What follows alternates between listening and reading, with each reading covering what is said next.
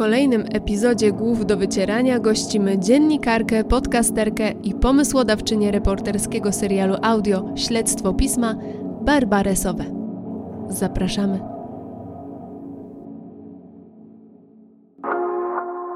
Tutaj e, już Ryszard włączył to nagrywanie, aczkolwiek to do niczego nie zobowiązuje, ponieważ na, do naszych tych odcinków, epizodów i tak panna Gosia, a raczej pani Gosia, bo już po ślubie, e, dogrywa takie wstępy, takie intro, takie prologi mhm. nawet o gościach. Więc w zasadzie konwencja jest trochę taka, że konwencji żadnej nie ma, jest to rozmowa na różne tematy około gościowe, że się tak wyrażę. E, tak, ale nie witamy się chyba jakoś za bardzo. Prawda, Ryszard? Chyba tak jakoś. Nie, nie, nie, nie ma żadnych oficjalnych powitań, żadnego tam przedstawiania, kto jest kto i tak dalej, bo to nie ma najmniejszego sensu właśnie Biorąc Bo pod uwagę ten wstęp między innymi. Tak, tak, więc, więc to już nasze, Rozumiem. nasze zaznajamianie się będzie off camera, że tak powiem, ale Zawsze Ale my mamy sobie, ja sobie pozwolę tak zapytać, my mamy mówić sobie per pan, pani czy po imieniu? Nie, no bo... no mówmy sobie na ty chyba, śmiało, śmiało. Okay. Ja jestem zawsze za skracaniem dystansu, jakoś tak nie czuję się, a już jak ktoś do mnie mówi pani redaktor, to mnie mierzi. Też tego nie lubię, też tego bardzo nie lubię, jak do mnie ktoś mówi panie redaktorze, bo ja też jestem w ogóle związany ze światem mhm. dziennikarskim, chociaż trochę w tej chwili od innej strony, bo bardziej od strony prezentera radiowego niż niż aktywnego takiego dziennikarza, ale też przerobiłem w swoim życiu epizod reporterski. Jasne. Pan reporter brzmi no, zdecydowanie za długo. No, ja, ja nie mam żadnych takich przydomków, którym mo, może, można do mnie mówić. No nie wiem, nie, nie, nie, nie wpadłem jeszcze na, na, jakiś, na jakiś sprytny, piękny zaimek, którym mogliby mnie tytułować. Ale to chyba nawet dobrze, że nie ma ten. Pamiętacie, jak w PRL-u było zawsze pani magistrze, pani doktorze, pani, pani, tak pani docencie. Dokładnie, docencie. Zawsze się e, śmiałem, że jak skończyłem zostało... studia, to licencjusz. Panie licencjusz. Bardzo ładne. Bardzo ładny. Więc my chyba ja jestem zwolenniczką, nie, nie jakby bezpośredniości. Ja też tego nie lubię. Ja w ogóle nie lubię tego całego uczelnianego sztywniactwa, które dalej panuje na polskich uniwersytetach zresztą, nie? No, ale to chyba musi po prostu być. To... No chyba tak. A chociaż ja myślę, że tam pewnie młodsza kadra jednak już troszkę bardziej na luzie do tego podchodzi, ale tak, zwłaszcza tam profesorowie i profesorki starszej daty, to, to koniecznie trzeba tam pełen mm, ten, ten wstęp zrobić. Profesor, mhm. doktor, inżynier, y, habilitowany i jeszcze wszystko musi być po Bożemu. Po Bożemu, tak jest. tak jest, tak jest. Po Bożemu no. to, to najlepiej jest. E, no to dobra, y, tak chciałem się właśnie a propos tego skracania dystansu y, zapytać, czy to w pracy dziennikarskiej pomaga Tobie, Barbaro? To zależy, jaki rodzaj materiału i jaki rodzaj pracy akurat wykonujesz. Bo ja, ja tak się składa, byłam po różnych stronach i, e, różne rodzaje dziennikarstwa uprawiałam.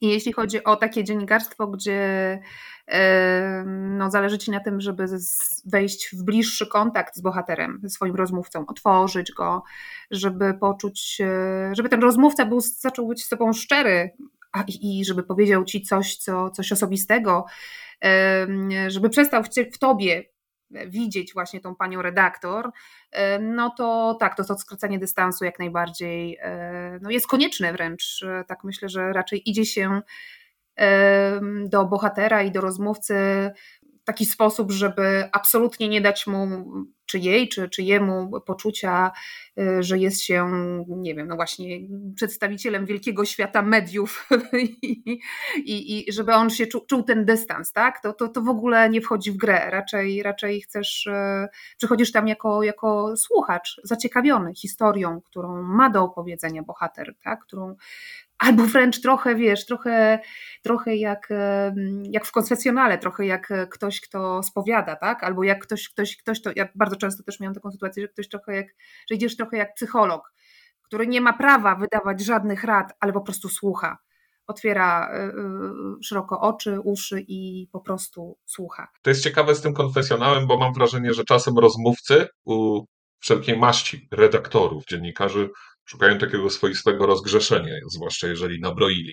Tak, zdecydowanie rozgrzeszenia, ale też, e, no wiesz, dla niektórych myślę, że opowiedzenie pewnej. Często jest tak, że właśnie ten dziennikarz jest taką osobą, e, której po raz pierwszy opowiadasz jakąś historię, e, jakieś swoje przemyślenia, bo, bo wbrew pozorom w Polsce nie potrafimy za bardzo rozmawiać. I ja się bardzo często spotykałam z taką sytuacją, że no, w sumie mówi mi mój bohater albo bohaterka, wiesz, ja nigdy tego nikomu nie mówiłam, ja nigdy tego nikomu nie mówiłem, bo też w sumie nikt nie zapytał.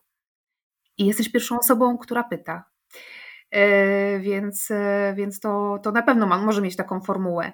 A wracając do tej drugiej postawy, czyli do takiego podejścia, kiedy ty musisz być e, takim, wiesz, dziennikarzem jak z uwagi TVN-u, but w drzwi i tam po prostu mikrofon przez drzwi tam i, i, i dociskać e, kogoś, żeby ktoś ci odpowiedział. Wtedy nie ma skracania dystansu, wtedy właśnie wygodniej jest być e, panem redaktorem, panią redaktor i wygodniej jest występować z takiego poziomu. Ja reprezentuję media, czwarta władza i teraz e, panie burmistrzu, panie prokuratorze, czy tam funkcjonariuszu albo funkcjonariuszko, e, po prostu odpowiedz na moje pytanie, bo to jest twój obowiązek. Czyli po prostu, jeśli mamy sytuację, w której musimy mm, no, wydobyć jakieś informacje niewygodne dla naszych rozmówcy, wtedy ten dystans e, nie jest niepotrzebny, jest niepotrzebny i i ten dystans e, wręcz będzie przez Twojego rozmówcę wykorzystywany, e, ten brak dystansu będzie wykorzystywany, niejednokrotnie mieliśmy takie sytuacje, też rozmawiam wielokrotnie z, z moimi kolegami, koleżankami, którzy no oczywiście no, starają się zachować balans, no ale wiadomo jest, że jeśli pracujesz w polityce i robisz codziennie relacje z Sejmu, no to wiadomo jest, że ze wszystkimi posłami, posłankami znasz się, jesteś z nimi na ty, no bo znacie się e, tam x lat, tak? E, I, wtedy... i, i, później się zaprasza na urodziny, jak na przykład pewien znany dziennikarz, nie? No właśnie, no i właśnie, ale to jest no a potem robi się jeszcze inne rzeczy, i bo, bo przecież znacie się tyle lat i, i, i w sumie jest to tak, e, taka relacja, że, e, która pozwala na przykład, nie wiem, politykowi zadzwonić do dziennikarza e, z taką przyjacielskim pytaniem, słuchaj, a jak ja powinienem odpowiedzieć na takie pytanie, a nie inne dziennikarze. No i to już jest przegięcie totalne, tak? To jest już.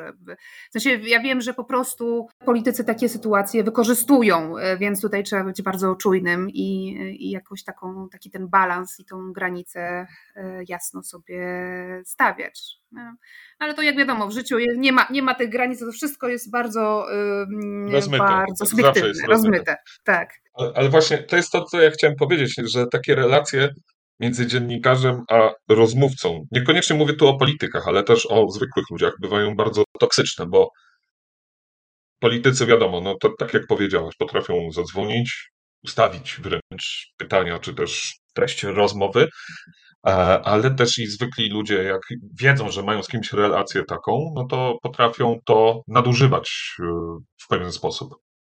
Nie wiem, co ty o tym sądzisz. Czy to się w ogóle tobie przytrafiło? Zdecydowanie, to znaczy, no ja pamiętam, ja miałam mnóstwo takich przykładów, zwłaszcza też e, to jest, e, pamiętam takie początki swoje, pierwsze lata e, dziennikarskiej kariery i pracy, kiedy, wiesz, wiadomo, jesteś sobie jeszcze student, studentką, która nagle trafia do, do dużego medium i, i nagle ma szansę rozmawiania, wiesz, z największymi tego kraju. I to jest i to może dać takiego niezłego kopa, no ale też no, jesteś jeszcze wtedy bardzo niedoświadczoną osobą. I, i wtedy zawsze się przydaje, mm, e, no nie wiem, no właśnie jakaś rada i, i asysta koleżanek i kolegów e, doświadczonych bardziej w zawodzie, którzy powiedzą, ej słuchaj, nie no, tutaj musisz wyznaczyć, wyznaczyć granice i to, że, e, że, że pani minister mówi do ciebie Basiu i dzwoni do ciebie na proteczki, to ona wcale nie dzwoni na proteczki. Mm, jest twoją informatorką, przekazuje ci pewne rzeczy, ale też wpycha ci swoją agendę i musisz być na to gotowa i musisz się e, i musisz się z tym liczyć. No ale to było trudne przez parę pierwszych lat, a później no to myślę, że każdy doświadczony dziennikarz e, wie, że gdzie, gdzie tą granicę sobie ustawić i, e, i jak tą relację sobie ustawić z różnymi osobami, żeby z jednej strony oczywiście nie odcinać się od źródeł informacji, no bo wiadomo, że też e, taka dobra relacja z, z, z osobami z różnych ze środowisk pozwala ci po prostu mieć e, dane i informacje z, z różnych źródeł, a, a, no, ale nie, nie pozwolić sobie przekroczyć e, tej granicy, tak, że jeśli przyjdą ci kwity albo będziesz miał informacje o tym, że, że dany poseł, posłanka, czy też dany twój informator przekraczył granicę, to nie będziesz się dwa razy zastanawiał, żeby to opublikować, tak, jeśli jest to osoba na świeczniku. Chciałem właśnie się teraz odnieść do czegoś, co powiedziałaś wcześniej, że w swoim życiu zajmowałaś się różnymi e, stronami dziennikarstwa. To, co jakby do ciebie w tej chwili, nie chcę powiedzieć, że najbardziej pasuje, ale że to, co się wyświetla bardzo często przy tobie, mhm. kiedy się wyszukuje informacji o tobie, no to to jest to słowo śledztwo, prawda, no związane zresztą ze, tak. zresztą ze śledztwem pisma. I chciałem się ciebie zapytać, czy dziennikarstwo śledcze to jest właśnie to, co zawsze chciałaś robić, czy dojrzewałaś do tego w pewien sposób, szukając swojej drogi właśnie, zajmując się różnymi działkami dziennikarstwa, czy może jest to coś, co okazało się twoim wręcz powołaniem? Wiesz co, to dziennikarstwo śledcze e, to dzisiaj myślę, że ma trochę inne oblicza, bo ja pamiętam jak zaczynałam, to miałam przyjemność obserwować e, no, fantastycznych dziennikarzy śledczych, e, Paweł Reszka czy Kuba Stachowiak na przykład jeszcze w dzienniku Polska, Europa, Świat, czy Ania Marszałek, która też była w tym dziale śledczym mm, dziennika. I to byli dziennikarze śledczy, którzy zajmowali się konkretnymi, twardymi działkami, to byli dziennikarze, którzy no, siedzieli w polityce w, mm, e, i, i odkrywali afery właśnie na styku biznesu i polityki. I to było takie dziennikarstwo śledcze, które mi imponowało, ale też nie do końca, nie do końca mnie pociągało, bo też e, widziałam, jak dużą cenę za to się płaci. Tak? To znaczy, że trzeba mieć naprawdę twardy tyłek i, e, i trzeba mieć nerwy ze stali, żeby takie dziennikarstwo uprawiać. Natomiast e, to, co przywołałeś, czyli śledztwo, i tak też jak myśleliśmy sobie o tym formacie, to jest dziennikarstwo śledcze, które, które trochę ucieka od tego formatu, to znaczy to jest dziennikarstwo śledcze na mniejszym, y, na, na, na, na takim mniejszym wymiarze, tak bym to określiła, bo skupiamy się na historiach, dramatach prywatnych ludzi, tak? A przez te historie, dramaty poszczególnych jednostek pokazujemy błędy systemu. Ale to nie jest, to nie jest, to, to nie są ludzie ze świecznika, tak? bo bohaterami, no co prawda, może w trzecim sezonie mieliśmy bohatera ze świecznika, ale, ale, ale e, zarówno w śledztwie Mirka Wlekłego, jak i e, w śledztwie, które ja prowadziłam, to były historie zwykłych ludzi, którzy po prostu no, przeszli, e, padli albo ofiarą oszustów, albo, albo padli ofiarą takich, a nie innych e, dramatów e, życiowych. To dziennikarstwo śledcze, które, z którym być może teraz które teraz ty pytasz, to ono troszkę inaczej wygląda. To, że nie myślałam nigdy, że będę e, dziennikarką śledczą pokroju właśnie no, to Pawła Reszki czy Anki Marszałek. Tak? To, nie jest, to nie jest to, co chciałam robić. Natomiast myślę, że no, te elementy dziennikarstwa śledczego, które się pojawiają się we wszystkich dzisiaj, po, powinny się pojawiać w większości takiej też reporterskiej pracy, tak? no bo też jesteś, wykonując taką dziennikarską robotę, też e, weryfikujesz fakty, docierasz, e, przyciskasz, sprawdzasz, kładasz te różne elementy i, i, i w jakąś tam całość, wyciągasz wnioski i próbujesz rozliczać system, to czy to się robi na takim e, małym e, wymiarze, tak, na małym podwórku, czy to się robi w takim szerszym e, aspekcie, takim, na takim, takiej dużej arenie tak, polityczno-biznesowej, to myślę, że zasady działania są podobne. Ja chciałem tutaj popełnić mały komentarz do tego, co powiedziałaś, bo mimo e, tego, że te historie, które wy opowiadacie w, e, w poszczególnych sezonach śledztwa FISMA może dotyczą zwykłych, takich szarych, że tak powiem w cudzysłowie, ludzi, to jednak rozmach podobny co do tych historii osób ze świecznika. To znaczy no, więc tak, zdecydowanie to jest wspólny mianownik. A ja bym chciał w takim razie zapytać Ciebie, czy w takim razie był jakiś taki moment zwrotny e, dla ciebie w twojej karierze dziennikarskiej, który sprawił, że e, no, w kierunku może tego, no, nie chcę znowu powiedzieć e, dziennikarstwa śledczego, tak, ale w tym kierunku cię zapędził? Wiesz co, chyba było takich pewnie kilka momentów zwrotnych w mojej karierze, jak tak sobie myślę o tym. I pierwszy to był taki moment, kiedy, kiedy zwątpiłam dziennikarstwo, kiedy, kiedy wydawało mi się, że absolutnie powinnam z dziennikarstwa odejść, bo, e, bo wydawało mi się, że to, co robię, nie ma większego sensu, nie miałam poczucia sprawczości.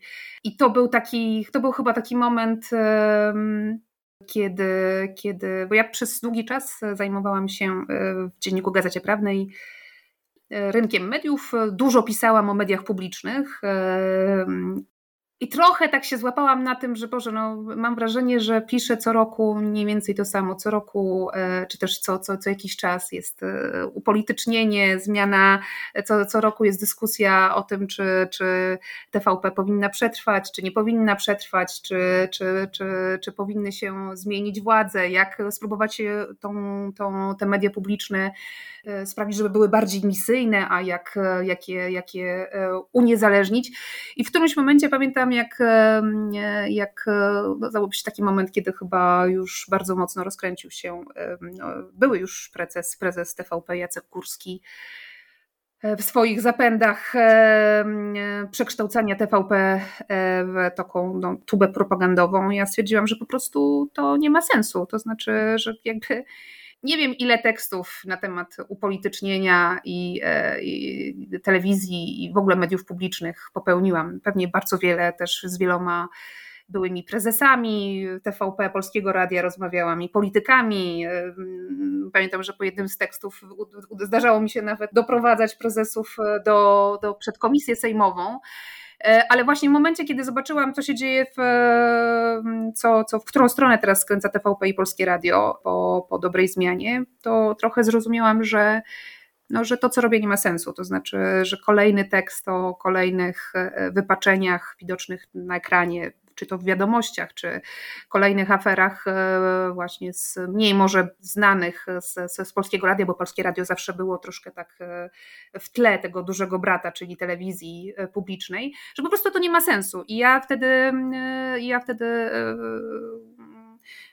no tak, no straciłam to poczucie sprawczości, stwierdziłam, że po prostu, że no, ileż można, tak? No to właściwie to po co komu to moja pisanina. E, I w ogóle to się też nałożyło na takie szersze myślenie o, o rynku mediów, że trochę to, co się dzieje na rynku mediów, niekoniecznie mi się podobało. E, nie tylko za sprawą internetu, ale też za sprawą tego, jak e, polskie media są finansowane, jak wygląda mm, zarządzanie w polskich mediach. I to był taki moment, w którym ja myślałam sobie, że z, tego, z tych mediów odchodzę i po prostu no, znajdę sobie jakieś inne zajęcie. Tym bardziej, że akurat to był czas, kiedy E, kiedy świetnie prosperowała moja pracownia, e, którą założyłam z koleżankami, pracownia, w której sobie e, bawiłyśmy się, odnawiałyśmy meble, szkoliłyśmy innych takich zapaleńców ruchu DIY, czyli zrób to mhm. sam.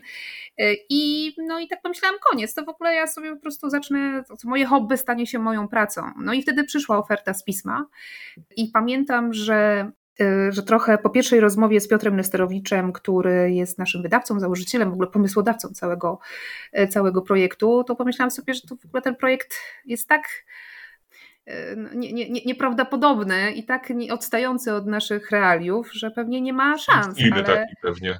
Tak, że, ale, ale, ale, ale z drugiej strony, skoro jesteś właśnie na takim etapie, że, że, że chcesz zupełnie zrezygnować, a mhm. jest szansa robić coś, co potencjalnie może nigdy nie zaistnieć, ale może nie mieć szans, ale ale nie masz nic do stracenia. Ale nie mam nic do stracenia i w sumie to fajnie byłoby się jeszcze raz dać szansę temu dziennikarstwu mm. i zrobić coś ciekawego, to czemu nie? E, Czyli I to był chyba gwiazdy się ułożyły w, dobrym, w dobry sposób dla ciebie. Tak, trochę tak, trochę tak, to, to było tak. I, i tutaj y, wtedy w ogóle jeszcze nie było mowy, bo jakby też zaczęliśmy rozmowę od dziennikarstwa śledczego. Ja chyba, chyba, że, chyba bym chciała to dziennikarstwo śledcze rozłożyć jakby rozszerzyć na dziennikarstwo, na jakościowe dziennikarstwo w ogóle, tak? Czyli na takie dziennikarstwo, gdzie masz czas zająć się tematem, zgłębić go, gdzie, e, gdzie masz wsparcie redakcji, gdzie, gdzie masz czas na weryfikowanie i na naprawdę to pracowanie w szczegółach tej historii, którą opisujesz, bądź opowiadasz, no bo mm, to w zależności od tego, jaki format wybierzemy, tak? czy jest to reportaż, czy tekst esej w mm, magazynie, czy, czy w formie podcastowej, więc, e, więc to był chyba taki najbardziej, no taki moment rzeczywiście kluczowy, kiedy e, już się prawie żegnałam z Gąską, a no Gąska przyszła ostatni, i powitała tak, i pomachała skrzydełkiem. Tak. dokładnie, chciałem, dokładnie. Chciałem jeszcze tylko powiedzieć właśnie, to jest ciekawe, co mówisz a propos dziennikarstwa jakościowego, że warto dać czas albo warunki, albo jedno i drugie najlepiej, a najczęściej w ogóle w polskich mediach czegoś takiego nie ma. Ja to znam w ogóle z amerykańskich filmów, to o czym mówisz, w sensie tylko kojarzę z amerykańskich filmów, że jest jakiś dziennikarz bądź dziennikarka, którzy zajmują się jednym tematem, śledzą go miesiącami, pracują nad tym i tylko tym, nad niczym innym więcej. A tu w Polsce mam wrażenie, że trzeba się zajmować pięcioma rzeczami i to naraz, i to jednego dnia jeszcze to wszystko zrzucić, czego zresztą doświadczyłem, będąc w polskim radiu już po dobrej zmianie, także, także y, doskonale wiem, o czym w ogóle mówisz. Domyślam się. Dziennikarz na misji, taki utopijny, tak? To nie jest też tak, że, że oczywiście y, jesteśmy w stanie za, za, zaoferować naszym autorom, czy my też w piśmie jesteśmy w stanie tak pracować, no bo nie, no oczywiście mamy ten przywilej i możliwość y, pracowania nad tematem dłużej i, i, i zgłębiania go i, i weryfikowania dłużej niż to jest w innych mediach, no ale to nie jest tak, że pracujemy tylko nad tym aż tak dobrze nie ma, niestety. O, i właśnie tutaj chciałem Cię troszeczkę za język po, e, pociągnąć. Rozmawiałem o tym e, przed rozmową jeszcze z Ryszardem. Ryszard mi mm, e, jakby udowodnił, że to pytanie, e, no, on zna na nie odpowiedź. Ja totalnie jestem, e, e, jestem zielony, e, jeżeli chodzi o pracę w ogóle reportera czy dziennikarza taki, takiej day to day. No i chciałbym Cię zapytać, no właśnie o to, o taką pracę pomiędzy tymi kolosalnymi, fenomenalnymi gargantuicznymi reportażami, które trwają ponad 8 miesięcy, tam około roku, prawda? I co jest między tymi reportażami? W sensie, czy praca w, chociażby nad e, sezonami poszczególnymi śledztwa pisma to jest praca od reportażu do reportażu, przynajmniej od, od, od mm, czasu tego pierwszego sezonu, czy czy nie? Czy jak, to, jak to wygląda? Ja już mogę powiedzieć, mogę powiedzieć oczywiście na swoim przykładzie, bo, e, bo, bo, bo wiem doskonale, jak wyglądało to łączenie różnych, no właśnie, zadań i różnych e, rzeczy, które miałam na głowie. E, ja generalnie w piśmie odpowiadam za całą, całe wydanie online audio, czyli, e, czyli my mamy teraz pięciolecie, więc jestem w piśmie od początku i na, początku było nas naprawdę kilkoro osób, więc, e, więc kiedy zaczynaliśmy, to, to odpowiadałam i za stronę internetową, i za informatyków, i za dział sprzedaży, i e, za budowę paywalla, czyli wszystkie takie rzeczy, które się z dziennikarstwem nie do końca łączą, no bo no bo one są trochę w takim back-office, tak? czyli, czyli gdzieś ktoś musi narysować, zbudować, zaprojektować ten system, żeby mm, odpowiedzialny na nim za, za, za zakup prenumeraty. No i to jest między innymi to, czym ja się zajmowałam, tak? E, teraz na szczęście nasz zespół w piśmie się rozbudował, więc tych osób jest już, jest już więcej, jesteśmy, profesjonalizujemy się, ale, ale to jest trochę tak, że jak startowaliśmy z pismem, ze śledztwem, to byliśmy już kilka miesięcy, to działaliśmy już, już, już dobrych kilka miesięcy. No i pierwsze śledztwo robił Mirek Wlekły, więc wiedzieliśmy, że musimy znaleźć mhm. kogoś, kto, kto nam zrobi to śledztwo na zewnątrz, więc, więc bo ja nie byłabym zupełnie w stanie, ale też, a też nawet e, chyba nie miałabym tej śmiałości e, na początku, żeby, żeby zająć się takim tematem. Więc do, dopiero przy drugim śledztwie, tak, to jest, to jest taki moment, w którym po prostu przyszła do nas historia, która mną bardzo wstrząsnęła i bardzo mnie poruszyła i wtedy, i wtedy zdecydowałam się, ok, to w takim razie ja ja się w to chcę zaangażować, no ale będę potrzebowała Waszej pomocy, żeby ktoś mnie albo częściowo przynajmniej zastąpił w tych moich takich codziennych zadaniach, e, albo mi to pomagał robić. Więc wyglądało to mniej więcej w ten sposób. To był czas, e, teraz mówię o, o pracy nad drugim sezonem, tak? Mhm, mhm. tym, sezonem, który, którego historię sama dokumentowałam, e, pisałam i, i, i, i sama zbierałam materiały jeżdżąc przez prawie praktycznie rok czasu w tą i z powrotem z Warszawy na Dolny Śląsk. E, kilkakrotnie, e, no to wyglądało tak, że po prostu no, był tydzień, kiedy nadrabiałam, e, siedziałam z informatykami, siedziałam z, z zespołem, który odpowiadał za, za, za właśnie, nie wiem, jakieś wdrożenia, bądź też za to, co się, za, nie wiem, za naszą produkcję, wydanie audio, bo my też w piśmie przecież mamy regularne wydanie audio, czyli wszystkie teksty, które są, które się ukazują w magazynie, mają swoją wersję audio, czytane są przez profesjonalnych lektorów, no i to też to jest też część, za którą ja odpowiadam, więc to trzeba zorganizować, e, e, ułożyć i tak dalej, i tak dalej, no a potem z, zrzucałam wszystko, albo, albo, albo ktoś z redakcji mi pomagał jechałam na tydzień na Dolny Śląsk, odcinałam się praktycznie od tych bieżących rzeczy i, i, i wchodziłam na tydzień e, w, w tą historię i E, w rozmowy z bohaterami, e, którzy pojawili się w drugim sezonie, więc, więc to ta praca wielomiesięczna, rozciągnięta właśnie na prawie rok e, od zbierania, pisania scenariuszy, e, weryfikowania, ciśnięcia prokuratur tak tak dalej, poprzez nagrywanie, później e, montowanie, udźwiękawianie tej całej historii. Ona była rozciągnięta na wiele miesięcy, no ale to jest, gdyby pewnie ją tak skrócić, wiecie, tak skomasować, no to byłoby, nie wiem, no dwa miesiące, półtora miesiąca pracy, takiej day to day. Ona była rozciągnięta dlatego też, że, że, że po prostu były inne obowiązki, które trzeba było jakoś tam sobie, wiecie, ułożyć i, e, i, i, i, i, z, z, z, i ogarnąć. No bez pomocy mojej redakcji myślę, że no nie, dało, nie byłoby to możliwe, tak? Okej, okay, okej, okay. czyli to, to już wszystko jasne. Kwestie logistyczne zostały mi wyjaśnione. Tak, tak. E... Ale nie, ale to może, mogę też powiedzieć, jak to wyglądało w przypadku e, Mirka, który jest e, właśnie freelancerem. I to jest też chyba, bo, bo jakby ta, ta moja opowieść o, tym, o tych logistycznych rzeczach, no to pewnie nie jest aż tak ciekawa, jak e, opowieść o pracy dziennikarza, który się, i, czy też reportażysty, który się utrzymuje z pracy, z pisania. On w trakcie pracy nad pierwszym sezonem jednocześnie gdzieś tam miał zaplanowane, myśmy wiedzieli dokładnie, że ma zaplanowane pracę nad swoją sztuką, którą akurat e, e,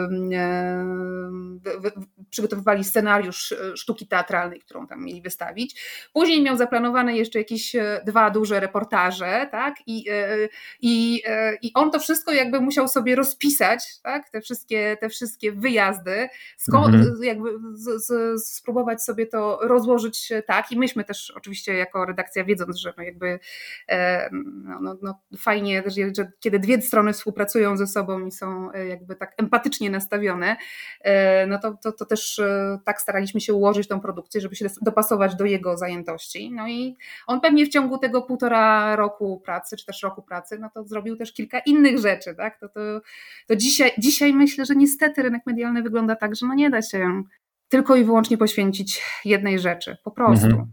Trzeba interdyscyplinarnym być. Ja właśnie, jeśli mogę dopytać, czy prawdziwy taki reporter, reportażysta, dziennikarz śledczy, no jakkolwiek nazwać osobę taką, która się zajmuje tym na, no na tak na 100% i nie jednym tematem, tak jak powiedziałaś, ale tak jak ten Mirek właśnie, tak. kilka takich rzeczy na raz i ma w głowie od razu no nie tylko scenariusz swojej sztuki, ale właśnie tych dzieł dziennikarskich. Czy jest czas na życie po prostu? Czy całkowicie poświęcasz się, albo inni poświęcają się? Czy obserwujesz, jak ta praca wręcz ogarnia całkowicie inne osoby, czy, czy zmienia charakter, no nie wiem, cokolwiek, czy, czy powoduje, że po prostu nie ma na nic innego czasu.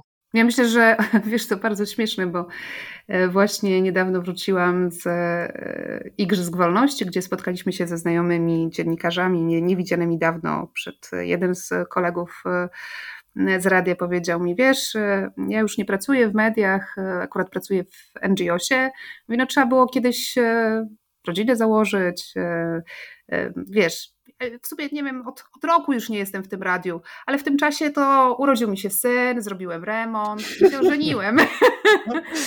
I, to, I jest w tym coś, i jest w tym coś, coś, że wiele prawdy. To znaczy, jak sobie patrzę na siebie na przykład, no jakby ja jestem totalnie, niestety, mówię to z przykrością, ale wychowana w medialnie w kulturze zapierdolu. Tak, nie wiem, czy można przekra- prze, prze, prze, prze, Oczywiście, jak najbardziej. W waszym podcaście.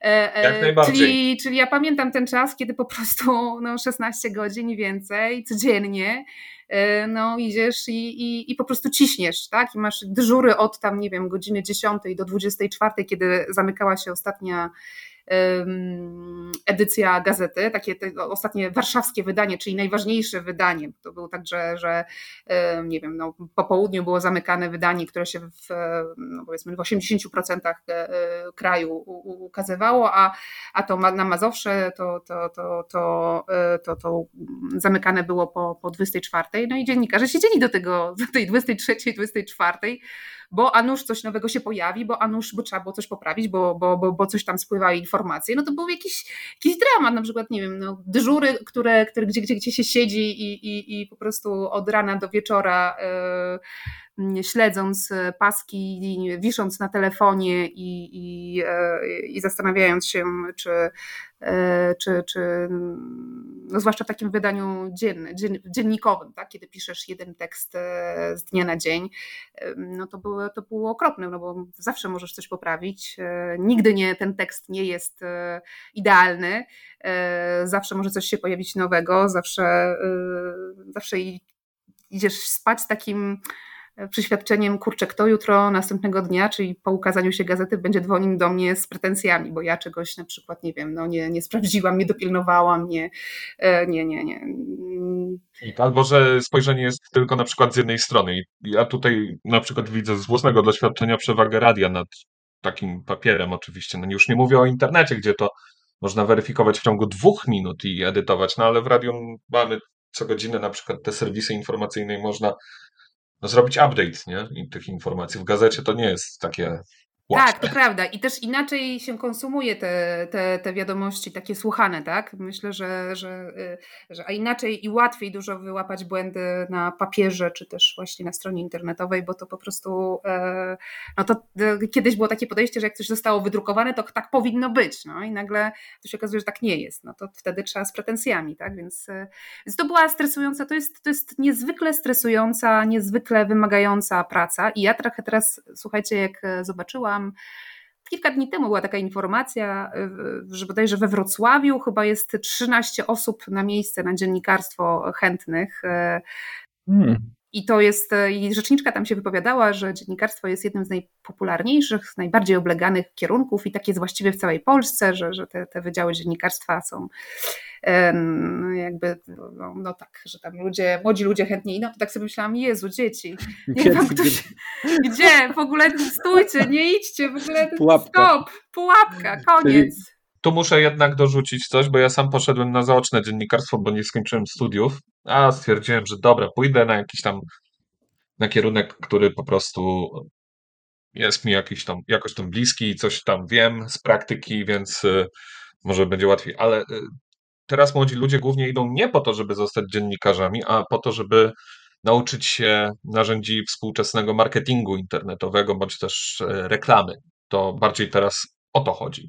Tu masz rację, masz rację, wiesz co, nawet ja sama studiowałam dziennikarstwo na Uniwerku Warszawskim e, i jak e, rozmawiamy sobie ze znajomymi, to tak naprawdę okazuje się, że z tego naszego roku mm, to myślę, że jak jedna dziesiąta została w dziennikarstwie i, i coś robi e, takiego stricte dziennikarskiego, to jest dobrze, bo reszta właśnie jest, nie wiem, no, w jakichś domach mediowych, w agencjach, mm, ma własne firmy, mm, poszła w PR, no różne, różne miejsca, ale nie są, to, nie są to dziennikarze.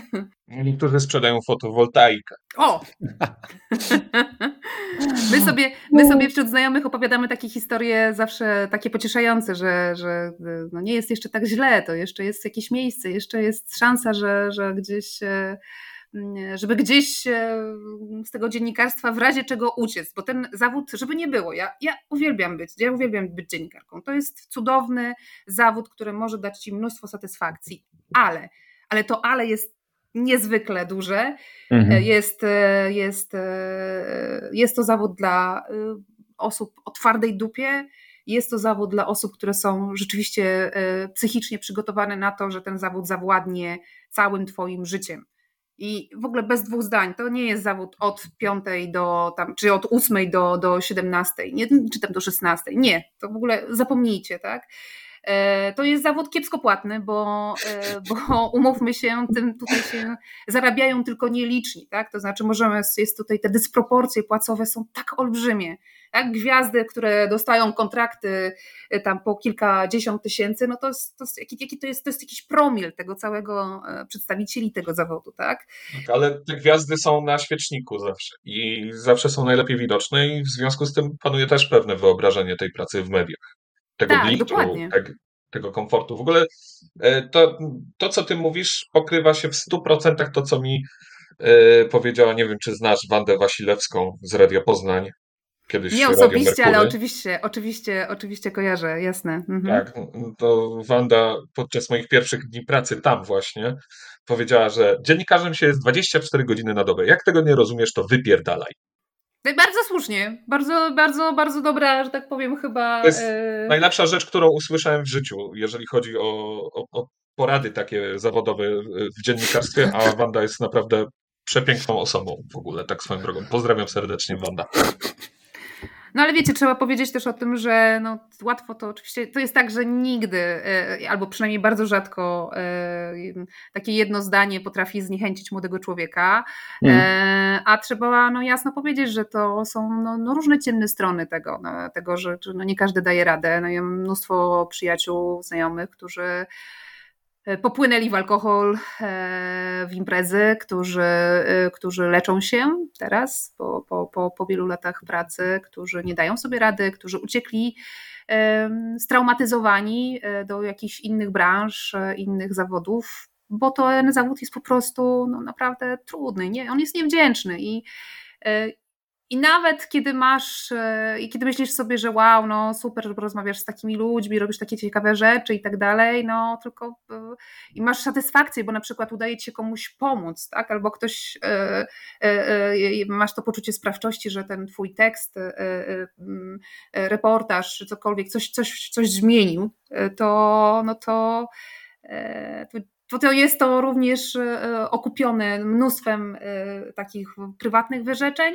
E, jest to też często mm, powiązane z takim, z takim dużą presją, ponieważ myślę, że więcej, każdy dziennikarz raczej więcej batów dostanie od, nie wiem, tam ludzi, którzy komentują jego teksty w, w internecie albo albo wypowiadają się w tekstach, no bo zazwyczaj, no mówmy się, dziennikarstwo zazwyczaj jest, e, to dobre dziennikarstwo powinno być tym dziennikarstwem, które wytyka błędy, i, i, a nie pisze tylko o pozytywnych rzeczach, tak, nie, jak to ładnie jest, pięknie i cacy. E, a za to się dostaje bęcki po prostu, za to się dostaje e, po tyłku, więc no, te takie psychiczne koszty są bardzo duże. A powiedzcie mi, e, i tutaj pytam Was, e, dziennikarzy, czy warto, ja wiem, że teraz to robicie od, od, przeszło od pięciu minut, ale czy warto zniechęcać ludzi do dziennikarstwa? Znaczy się, czy to mogłoby wpłynąć na poprawienie jakości samego dziennikarstwa jakby ogółem? Wiesz co, ja myślę, że chyba warto mówić o, o prawdziwych realiach. To mhm. warto przede wszystkim mówić o na przykład... No tak, mówię zniechęcać, czyli takim tak. już taką hiperbolą, tak bardziej chodzi mi po prostu o, takie, o taki prawdziwą, taką rzeczywistość, taką smutną, szarą i...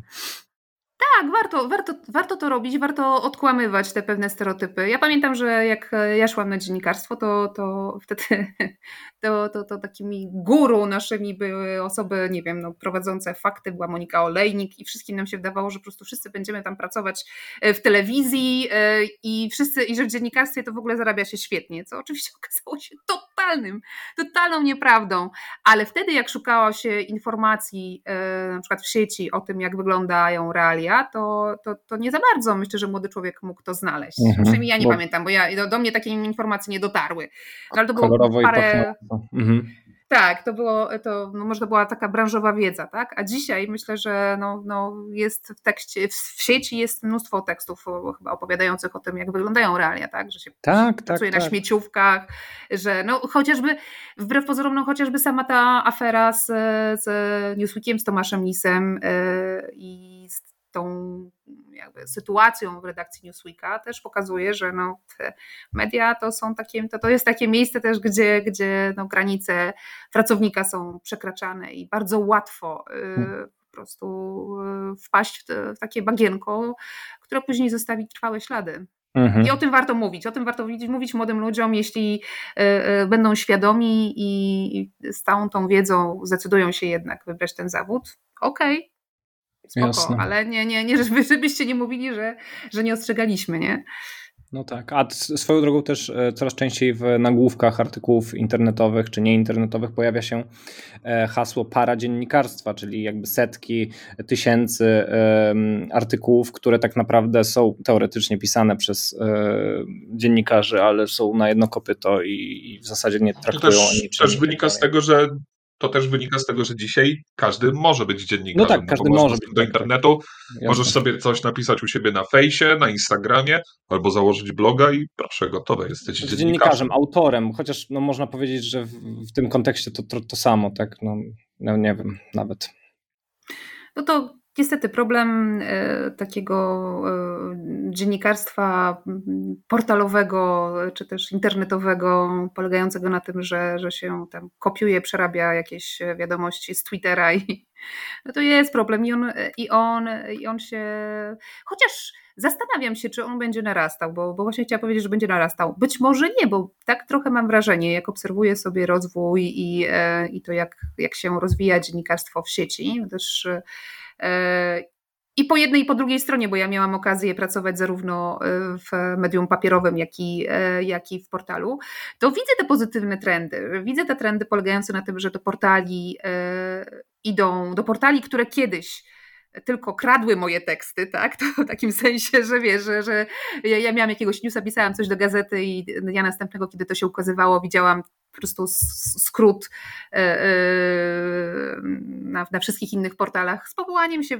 bądź nie na źródło, różnie to bywało. To ja widzę, że dzisiaj te portale e, zatrudniają dobrych dziennikarzy, dziennikarzy, którzy piszą własne treści, mają własne newsy, dostają dziennikarskie nagrody i dbają o to i, i, no przynajmniej te duże, duże, duże nasze, nasze portale i gdzieś chyba zaczynają rozumieć od jakiegoś czasu, że no samym, y, jak się nazywa to? Media y, work, może jest to określenie takich na dziennikarzy, media work, samymi media workerami mhm. no jakby nie przyciągną do siebie czytelników, nie? Znaczy Odbiorców. Ja, ja powiem więcej. E, to tutaj zarzucę taką dygresję troszeczkę sci-fi. Jesteście gotowi? Mam nadzieję, że tak. Bo rozmawiałem Jasne. ostatnio z e, znajomym, kumplem, który no, pracuje tam w, w szeroko rozumianych social mediach. Nie jest może per se e, dziennikarzem, aczkolwiek e, otacza się dziennikarzami, reporterza, e, tymi reporterami, e, redaktorami, redaktorami znaczy się grafikami i tak dalej. No i pojawiło się zjawisko, jak pewnie albo może, może wiecie, tych programów AI, sztucznej inteligencji, mhm. które mm, za pomocą jakiejś tam kwerendy dokonują na przykład grafik, obrazów różnych. Tak? Bardzo to jest mocno reklamowane w sieci ostatnio, że tam wrzucamy, załóżmy w, w program, w tą aplikację kilka fajnych haseł, czyli na przykład Barbara, pismo i nie wiem, drzewo i jest nagle program wyobraża sobie sowę siedzącą z książką na, na drzewie, no, załóżmy, nie? W, mhm. No, te, to jest taka E, tak, taka luźna wizja. No i generalnie rozmawiałem z, z, tym, e, z tym moim właśnie przyjacielem e, odnośnie tego, czy te programy nie zastąpią przypadkiem grafików e, w tych, tych ich takich najprostszych działaniach, na których zresztą polega ich w sumie taka codzienna praca w tych wszystkich korporacjach się, zajmującymi się e, social mediami. No i teraz moja mm, taka wizja jest że może te, te programy e, również zajmą się właśnie takimi artykulikami. Wiesz co, ale one już się zajmują. Już się znaczy, zajmują. Już no się właśnie. zajmują. Ja, ja, ja, pamiętam ten moment, kiedy na przykład redakcje zaczęły wprowadzać E, najpierw oczywiście nie u nas, e, tylko na Zachodzie e, sztuczną inteligencję do tego, żeby analizowała mm, na przykład raporty, raporty finansowe, tak? Czyli to już to i, i, robiła takie teksty z wynikami finansowymi firm. Tak? To, jest, mhm. to jest taka działka e, dziennikarstwa ekonomicznego, którego, którą, którą no, do, do, do, niedawna robili dziennikarze. Trzeba było przyjść na konferencję, posłuchać, przejrzeć ten cały raport, wyłuskać naj, naj, najlepsze, najciekawsze e, liczby i potem z tego coś napisać, zrobić wykres i tak dalej. Teraz to e, może z powodzeniem zrobić e, sztuczna inteligencja. Mhm. Oczywiście nadal nie wyłuska jakichś ciekawostek, ani, e, ani pewnie nie będzie to, tego robiła tak, jak to zrobi doświadczony dziennikarz z wiedzą i, z wiedzą i, i z takim backgroundem. No są, te grafiki też nie są, e, konkuru, nie, nie konkurują, że tak powiem, z, z grafikami czy obrazami Ale tu, artystów, nie? Tu powiem Ci, że ja się bawiłam tym narzędziem mhm. i przez długi czas nawet mieliśmy taką dyskusję w redakcji, że yy, jak się nim człowiek dłużej pobawi mhm. i jak będzie, jakby wystarczy troszeczkę podsiedzieć nad tym i jest szansa, żeby e, po wybraniu konkretnych fraz, mhm. konkretnych słów, jednak dostać taki obrazek, który z powodzeniem da radę. Y, ja myślę, że mógłby być wydrukowany y, y, nawet w piśmie jako ilustracja mhm. jakiegoś, jakiegoś tekstu, bo, bo, bo, bo wbrew pozorom nie jest to złe. Miałam taką też dyskusję, bo wrzuciłam kilka takich własnoręcznie zrobionych, właśnie własnoręcznie, w sensie w, przy, no tak. użyciu, przy użyciu sztucznej inteligencji. Superwajzorem. Mhm. Tak, byłam superwajzorem jakichś i sztuczna inteligencja stworzyła mi tam kilka rysunków i dyskusja się wywiązała właśnie pod tym postem, na którym Gosia Halber stwierdziła, że to nie jest, to nie jest ani nigdy nie będzie zagrożenie, ponieważ sztuczna inteligencja jeszcze nie ogarnęła, że błąd też może być tworzywem. E, tak. E, mhm. To jest, tworzywem, to jest celna tak. uwaga bardzo. Mhm. I to, bar, to bardzo celna uwaga, ale nadal to się nie odnosi do tego, bo ja też tak sobie myślę, że y, sztuczna inteligencja nie, zaprosi, nie, nie zastąpi artysty, mhm. y, nie będzie mm, w stanie konkurować z, z artystami, którzy. Ale zastąpi tworzą. rzemieślnika. Ale zastąpi rzemieślnika, dokładnie. Mhm. Ale zastąpi zastąpi takie właśnie proste, proste, w takich prostych działaniach, tak? Podobnie zresztą, z, podobnie zresztą z dziennikarstwem. E, a nawet, e, co ciekawe, z poezją. Myśmy robili też, e, Magda Kicińska, nasza redaktorka naczelna, bawiła się narzędziem, które pisze wiersze. I ten wiersz no, mniej lub bardziej spełnia wymagania.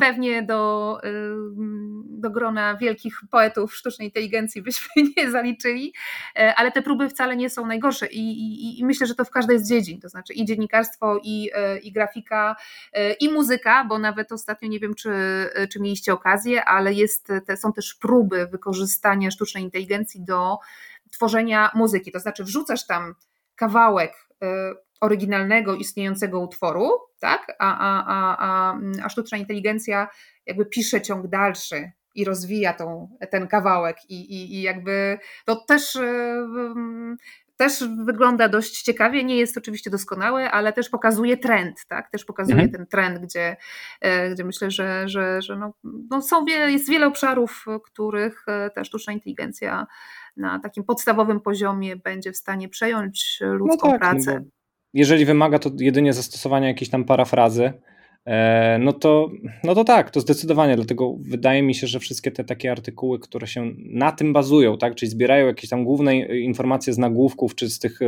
najbardziej topowych e, portali, no to, to sztuczna inteligencja, no to, to już jest, to jest już dla mnie po prostu praca taka bardzo odtwórcza i taka robotyczna, mechaniczna, nie, więc logiczne jest to, że sztuczna inteligencja to przejmie po prostu chciałem też coś od siebie dorzucić do tego, bo ostatnio widziałem nawet jak sztuczna inteligencja e, uzupełniała znane obrazy, na przykład e, dziewczynę z perłą, czy też Monalizy i, i tak dalej. No niby to było ciekawe, ale takie, takie to było Generyczne. dosyć, że y, wiesz co, nie, powiedziałbym, że oczywiste i przewidywalne.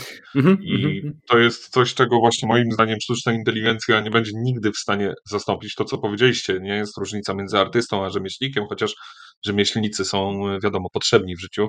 Natomiast sztuczna inteligencja Teraz. nie ma wyobraźni.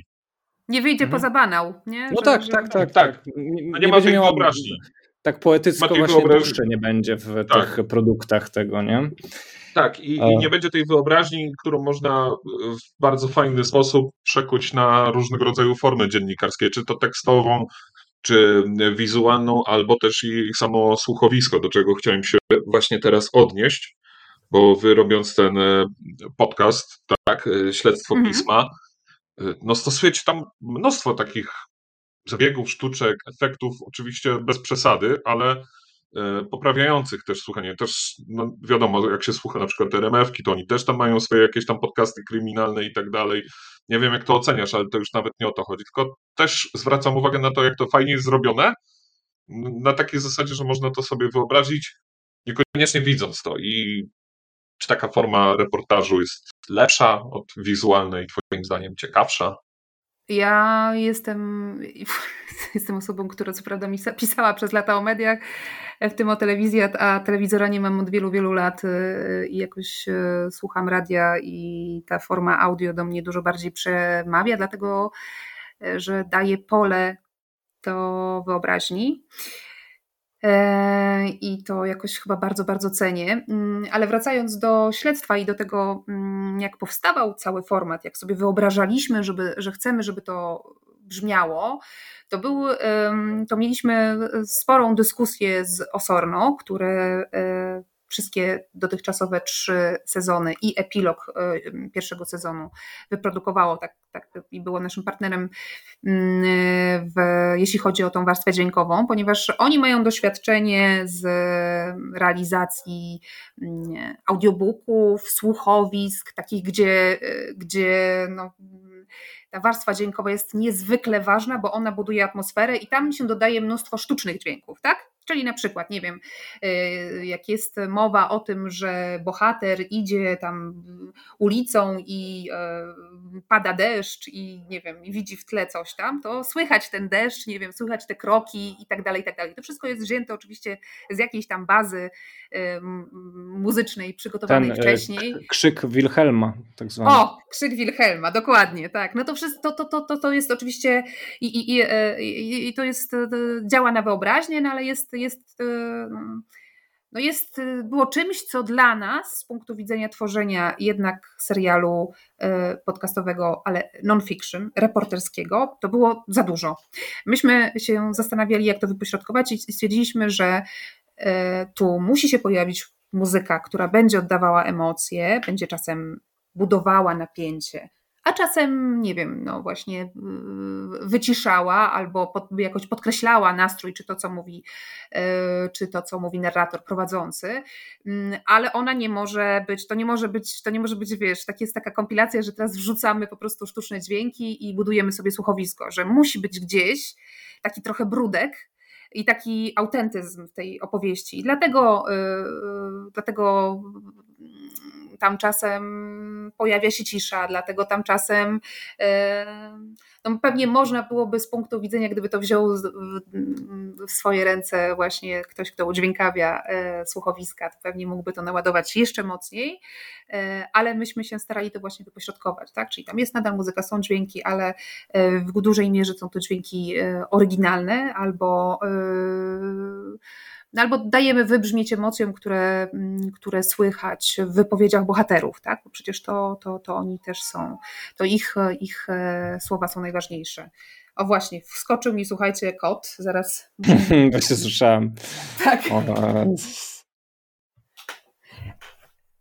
już go odstawiłam, ale myślę, że on się teraz będzie pojawiał co chwilę, ponieważ. No to się pojawia, no to, to tak. kot jest, to musi się pojawiać czasem. Tak, więc jak coś tu będzie klikało albo, albo miałczało, to, to się nie przejmujcie. Ja mam, ja mam trzy koty, znaczy teraz przy sobie nie, ale ogólnie mam trzy koty i je wypraszam. Przy sobie tak, tak, bo to nie idzie wtedy w ogóle pracować. To prawda. Mój kot Hebel jest e, bardzo, e, bardzo ten, bardzo ma duże parcie na szkło i na mikrofon też, e, bo się lubi o niego ocierać, jak, zwłaszcza jak pracuje. To, to, to różne bywają historie. No, bardzo ładne imię w ogóle kocie, przyznam. No tak, to, to się wiąże z moją drugą działalnością. Jakby było no tak, oczywiste, tak, tak. że musi to być, musi być to coś związanego z pracami majsterkowymi.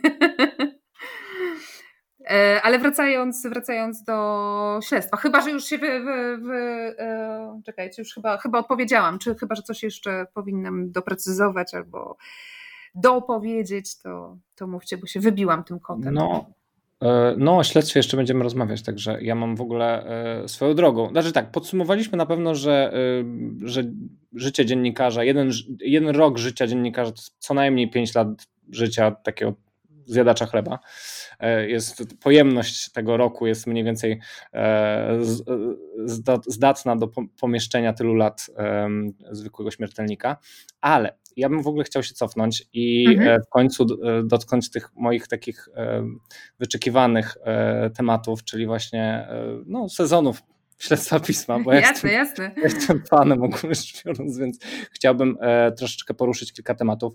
Przede wszystkim już trochę odniosę się może do, do wątku, który został przerwany, ale um, który gdzieś tam już poruszyłaś, mianowicie tego pomysłu na drugi sezon, czyli tego, mhm. tych, tych maili, które do was, e, mhm. do waszej skrzynki w jakiejś niebotycznej e, liczbie mm, e, dotarły i wy tam te maile selekcjonowaliście, rozumiem, mm, w poszukiwaniu tematu godnego następcy pierwszego sezonu. Ja w ogóle w tym momencie chciałem zrobić taką pauzę i słuchaczom, którzy będą słuchać tego odcinka, absolutnie zachęcić Was do, do do rzucenia uchem na, na wszystkie sezony, absolutnie wszystkie, razem z epilogiem tego pierwszego sezonu, który pojawił się ostatnio, śledztwa pisma, ponieważ e, no, to jest, ja myślę naprawdę w ciemno mogę powiedzieć, że y, trudno znaleźć ciekawsze historie i lepiej y,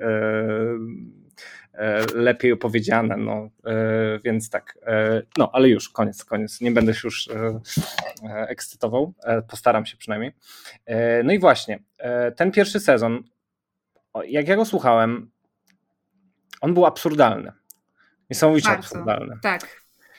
Te maile, które do, do Was e, dotarły później, już po zakończeniu, po premierze tego pierwszego sezonu, z propozycjami kolejnych historii, czy one były równie absurdalne i czy jak jak wiele z tych maili, z tych historii musieliście, musieliście odrzucić ze względu na niewiarygodność tych historii? Czy były takie? Czy były takie, że czytaliście historię i myślicie, nie, nie ma opcji, że to się wydarzyło. Nie ma opcji, że to jest, że to jest jakieś szukanie atencji. Wiesz co, dużo było takich, to, to, nie, to nie jest tak, od razu chciałabym sprostować, to nie jest tak, że tych maili było nie wiadomo ile. Yy, owszem, yy, yy, było dużo głosów takich, które, które nawiązywały do pierwszego sezonu, do, do dużo osób było zainteresowanych, e, na przykład no, pisało nam, słuchaj, znajdziecie Agatę i Jana, to są ktoś, kto nie słuchał, dla tych, którzy nie słuchali, to, to Agata i Jan to są główni mm, antybohaterowie, w sensie bohaterowie, ale negatywni historii, którą opowiada Mirek Wlekły, więc sporo osób to było takie osoby, które nam, nas na, na jakieś nowe wątki podrzucały. Więc tych e, historii z maili to wcale nie było dużo. E, w, w, e, więcej historii i więcej tematów raczej zgłaszali nam dziennikarze, to znaczy także na przykład, nie wiem, ktoś, ktoś wiedział, że szukamy pomysłu na drugi sezon i że będziemy chcieli kontynuować śledztwo, przychodził, a może zróbcie, słuchajcie, może zrobimy to, albo może zrobimy tamto. I więc z, z tych, tych, kończąc wątek mailowych historii, to, to to właśnie nie tak. Pewnie kilka odpadło, dlatego że, że były, to, były to historie bardzo trudne do zweryfikowania. Część odpadło już po pierwszej rozmowie telefonicznej z e, autorem, autorką maila, bo, e, no bo mm, okazywało się, że jednak no nie ma tam historii, nie ma tematu, albo jest to hmm. historia, która e, jest dobrą historią na reportaż, na jeden odcinek, Mhm. A wbrew pozorom to, to mój, żeby, żeby utrzymać tego słuchacza i żeby móc opowiedzieć e, e, no to w końcu seria. Sześć razy, tak, sześć razy 40 minut, no to naprawdę musi być, to musi być gęsta, gęsta opowieść. A trzeci wąt, bo trzeci przede wszystkim to, to, co, to, co my sobie założyliśmy i trzeci taki argument, e, którego te, zwłaszcza te mailowe zgłoszenia nie spełniały, to jest argument systemowy, to znaczy, mhm. że gdzieś i misyjny, o tak bym to określiła, to znaczy myśmy, my chcieliśmy, jako że jesteśmy fundacją i, e, i robimy rzeczy, które, których, których być, po które być może nikt inny by nie sięgnął, tak, które są zbyt trudne albo zbyt e, mało um, popularne, tak bym to określiła, w takim sensie, że, że to są no, to, to, to, to odrzucaliśmy pewne historie, dlatego że, no, że były tylko sensacyjną historią, tak? Że jakby po co nam opowieść o kolejnym mordercy, tak? Który został złapany, nie wiem, siedzi w więzieniu i owszem, skoro nie ma tam na przykład, nie wiem, tego naddatku systemowego, tak? To znaczy mhm. nie nawalił prokurator, nie nawaliła policja, jest e, szczegóły tej zbrodni były brutalne, obrzydliwe, okropne i, i pewnie e, ból rodzin ofiar e, e, dziś, pomimo tam, nie wiem, kilku lat e, przerwy jest nadal wielki, mhm. ale no nie ma, nie, poza tą, tą no żeby nie powiedzieć, jakby nie chciałabym spłycać, ale no rzeczywiście poza tą historią morderstwa, to nie ma tam czegoś więcej, tak? Czyli nie ma tego, tego, elementu, nie ma głębi i nie ma czegoś, co, co, mhm, co nie, nie, to właśnie, no bo po co sobie, musimy sobie zadać pytanie, po co to robimy, tak? Mhm. Robimy nie tylko po to, żeby opowiedzieć historię, to, to nigdy nie nam, nie, nie tylko, nie, nigdy nam to, nie, nie tylko ten argument był ważny, tak? To nam nie przyświecało, tylko robimy po to, żeby podjąć jakiś ważny wątek, ważny problem społeczny. To jest coś, co, co zawsze stało gdzieś e, nam e, i było, było najważniejsze. I w tym kontekście historia z Dolnego Śląska e, po prostu, e, po prostu była to po prostu była chyba, chyba mm, wszystkie punkty najważniejsza. Odhaczyła. Wszystkie punkty odhaczyła, bo gdzieś wiedzieliśmy od początku, że będzie to historia, która, e, która no, dotyka problemów psychicznych nastolatków, że będzie to mhm. historia o samobójstwie. No tak, no i uznaliśmy, że po prostu to jest taka No i będzie to historia nie, niewyjaśniona też. I, I, historia niewyjaśniona. I to jest taki, i to jest taka kolejna rzecz, to znaczy, że wiesz, jak powiedzieć, trochę taki, ja, ja, ja tak sobie myślałam potem, potem o, tej, o tej historii, że to jest taki kryminał Arebur, nie? Że, mhm. że ona się zaczyna jak kryminał, ale tak naprawdę to a kończy się tak jak większość e, e, śmierci w Polsce, bo jakbyśmy spojrzeli na statystyki, to e, zabójstwa to jest jakiś promil, tak? A, a większość ludzi ginie z powodów e, dramatycznych, ale może mniej e, e, hardkorowych, tak, okay. spektakularnych, mhm. może z powodów wręcz moglibyśmy powiedzieć błahych, takim z punktu widzenia historii nie? i opowiadania historii opowiadania historii, która mhm. powinna mrozić krew w żyłach. Wiesz co, bo ja ci zadałem też to pytanie właśnie ze względu na tą statystykę. Ja za, zaczę, zacząłem się zastanawiać, e, bo przysłu- e, tam chyba w jakiejś jeszcze innej twojej rozmowie przesłuchałem właśnie e, fragment o tych mailach, które do was napłynęły i mhm. zacząłem się zastanawiać, mm, czy jest więcej, czy mniej tych strasznych takich historii, czy jakby niż nam się wydaje, bo my jest, żyjemy w takiej ciągłej nadekspozycji na fatalne newsy. I zastanawiałem się po prostu, czy, czy to, czy te, te historie, które do was na, napłynęły, czy one były, czy to, ta rzeczywistość była faktycznie tak przytłaczająca? Ja wiesz co, już od razu powiem tak, że komunikacja ze słuchaczami śledztwa e, to najczęściej jest właśnie komunikacja z bardzo ściśle powiązana z sezonem i z tematyką sezonu. Czyli po publikacji pierwszego sezonu mieliśmy e, właśnie albo jakieś maile i informacje dotyczące e, e, Agaty i Jana, albo osób, które teoretycznie po podobnych, działają w podobny sposób jak Agata i Jan, czyli to jest historia bardzo podobna, albo, albo mieliśmy też takie zgłoszenia dotyczące dzieci i nadużyć wobec dzieci i w rodzinach zastępczych, czego, co akurat tutaj te, te, te, te zgłoszenia, one spełniały wszystkie nasze kryteria, jeśli chodzi o poszukiwanie tematu na śledztwo, ale no jakby też chcieliśmy, nie, nie chcieliśmy się zamykać tylko w wątku dzieci, tak? Mieliśmy wątek dzieci w pierwszym sezonie, chcieliśmy no tak. poruszać inne tematy w, w, kolejnych sezonach, więc później jak pojawił się po, po drugim sezonie, no to oprócz całej masy maili e, od osób, które borykają się z kryzysem psychicznym i szukają pomocy i nie mogą tej pomocy znaleźć, więc jakby piszą, dopisali do nas, do mnie prywatnie albo do nas na, na jakieś e, kanały śledztwowe czy, czy pismowe z prośbą o pomoc. O, o, o, zgłaszały się też właśnie osoby raczej w wątku problemów psychicznych albo takiej biedy y, y, i, i, i trudności związania, związania końca z końcem tak, życiowego. A w trzecim sezonie, po trzecim sezonie nagle mieliśmy mnóstwo y, zgłoszeń na psychologów, psychiatrów, którzy przekraczają swoje granice, na jakieś problemy z seksuologami, tak? Czyli, czyli, czyli no rozumiem. to, to, to miało taką formułę najczęściej. Mhm. I między tymi, tymi historiami się pojawiały też takie, które jakby wykraczały poza, poza tą. E, poza tak, ale, Po, to, to, też, też takie były, ale to jest tak, że my jak, jak w, w przypadku śledztwa też bardzo aktywnie sami poszukujemy i poszukiwaliśmy mhm. A, autorów. To znaczy, że ostatecznie tak naprawdę poza tą historią z maila moją, mhm.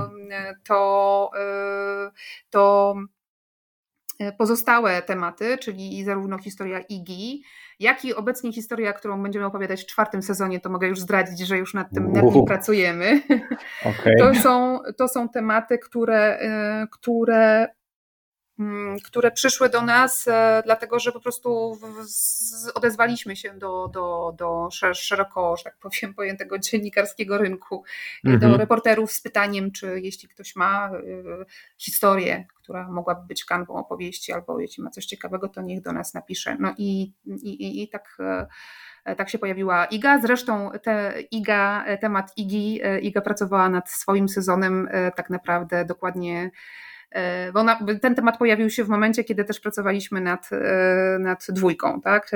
Więc tylko wtedy już nie pamiętam z jakich względów, też chyba dlatego, że, że jak Iga przyszła z pomysłem na trzeci sezon, to tam też był wątek e, molestowania dzieci grane i jakby wiedzieliśmy, że nie możemy go zrobić jako drugiego, tak? E, jakby chcieliśmy dać oddech też słuchaczom i trochę mieć, dlatego stwierdziliśmy dobrze, to ten sezon zostawimy sobie na kolejną, na kolejną opowieść, na kolejną historię. No, a w takim razie powiedz mi, bo powiedziałaś o tych kryteriach. Um, mhm. I szczególnie to jedno kryterium mnie ciekawi, czyli te, to, że te sprawy są niewyjaśnione i ten system w jakiś sposób zawiódł. Mhm. Powiedz mi, no bo pierwszy sezon, e, historia Agaty i Jana, e, to jest e, historia, która się ciągnie tak naprawdę do dzisiaj. Do dzisiaj, tak. E, historia dziewczyn z Lubomierza tak samo, w sensie jest niewyjaśniona. Powiedz mi, czy wam nie towarzyszy w tym wszystkim jakieś takie uczucie be, beznadziei, bezradności, mimo, mimo tego, że jakby wychodzicie z inicjatywą szukając e, przez pryzmat tego kryterium, no to jednak pracując nad tymi tematami na pewno się zbliżacie do bohaterów tych historii i trudno chyba nie wykształcić jakiejś takiej no, więzi, tak? E, I to ja też chciałbym dopytać o jedną rzecz od razu w takim mhm. razie, bo, bo to jest Proszę. właśnie dobry wątek, czy, czy to nie ma poczucia jakiejś bezradności, goryczy, ale też czy Twoim zdaniem, bo ja wiem, że te reportaże, yy, słuchowiska robi się po to, żeby nagłośnić pewne sprawy i pomóc poszkodowanym, ale czy one też w pewien sposób jakby nie zachęcają innych do tego, żeby robili coś złego, bo widzą, że innym się udało uciec e, spod mhm. no, po prostu katowskiego topora, udało im się uciec e, przed sprawiedliwością. Czy takie reportaże bardziej Twoim zdaniem mogą szkodzić, czy pomagają? Czyli co na, ciebie cią- na tobie ciąży generalnie? W Ojej, to jest, to jest, to jest e, olbrzymie brzemię i to jest chyba rozmowa, która się toczy od wielu dekad, jeśli chodzi o reportaż, tak? Czy, czy nagłaśniając pewien problem, nie, nie no, no, właśnie, nie dajesz pewnego rodzaju e, poradnika, tak? Jak, co, jak, jak e, popełnić zbrodnię, jak oszukać, jak e, naciągnąć innych. Na przykład w przypadku to teraz piję do historii Mirka, ale słuchajcie, na mnie naciążyła największa, myślę, że, że dużo większa odpowiedzialność, którą ja czułam ze zdwojoną siłą, ponieważ temat e, samobójstwa mm, to jest temat, który e, wiąże się z olbrzymią odpowiedzialnością. Podejmowanie tematu samobójstwa przez media wiąże się właśnie z olbrzymią odpowiedzialnością, taką, że jest bardzo cienka granica między tym, czy zdołasz kogoś e, przestrzec albo komuś pomóc, pokazać